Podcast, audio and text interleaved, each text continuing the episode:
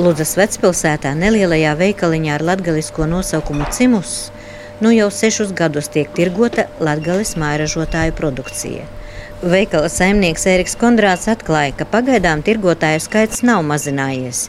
Pārsvarā te savas preces piedāvā jau zināmi mairažotāji. Sulu, zāļu tēju, kafijas, šmakokas un lauku alus cenas pagaidām nav mainījušās. Toties dārgāka palikusi gaļa un siers. Veikalu mēs izveidojām 2016. gadā augustā. Augustā bija atklāšana uz pilsētas svētkiem. Doma bija tāda, un arī viņa vēl joprojām saglabājusies, ka šeit mēs pārdodam vietējo produkciju. Lokālā prece. Pamatā cenšamies vietējos zemniekus šeit no Ludus novada, kas ir un e, ņemam arī no Latvijas. Potiņi mums vispār ļoti lielu pienesumu deva, kad sāka ražot e, produkciju priekš pārdošanas izdzīvotājiem. Mazākos iepakojumos viņiem ir ļoti, ļoti kvalitatīva produkcija. Un sākot ar eh, kotiņu, rapšu eļļu, pelēkie zirņi un dažādi graudu izstrādājumi. Reizi nedēļā mēs atvedam uh, svaigu gaļu. Tā nāk no aglonas puses. No prēļiem mēs tāpatās reizi nedēļā vedam jūras sieru, Daugopils ražojuma kūpinājuma, kūpināts speķis un sālītas speķis. Pagaidām cimusa plauktos ik pa laikam parādās arī mairažotājas Mārītes Kronbergas cepties peķa pīrādziņi. Pašlaik viņa vēl domā, vai savu produkciju realizēt caur veikalu, jo tad cenai klāt nāk vēl arī uzcenojums.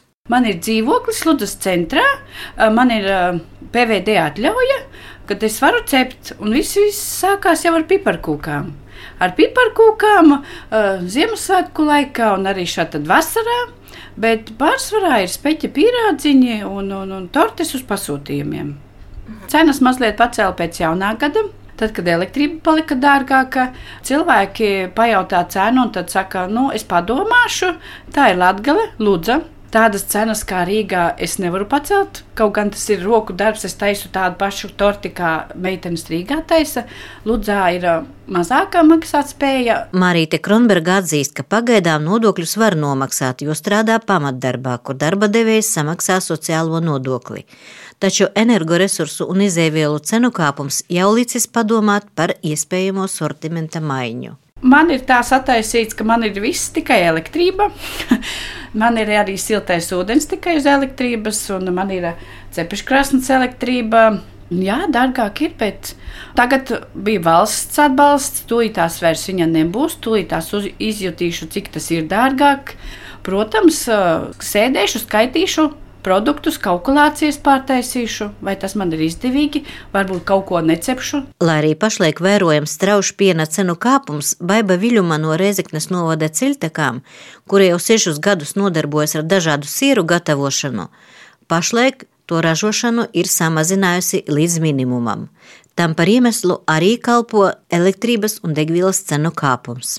Visu pašu darbību esam tā ļoti, ļoti samazinājuši, jo mums tā kā izdevumu ir kļuvis daudz lielāks nekā mēs reāli to cenu varam pircējiem pacelt. Mums bija 7 eiro kilogramā, pašlaik 8.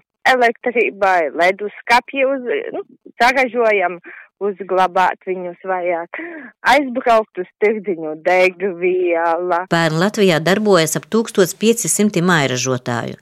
Visplašāk pārstāvēta dārzeņu, augļu un ogu pārstrāde. To savam biznesam izvēlējušies vairāk kā 75% mairažotāju.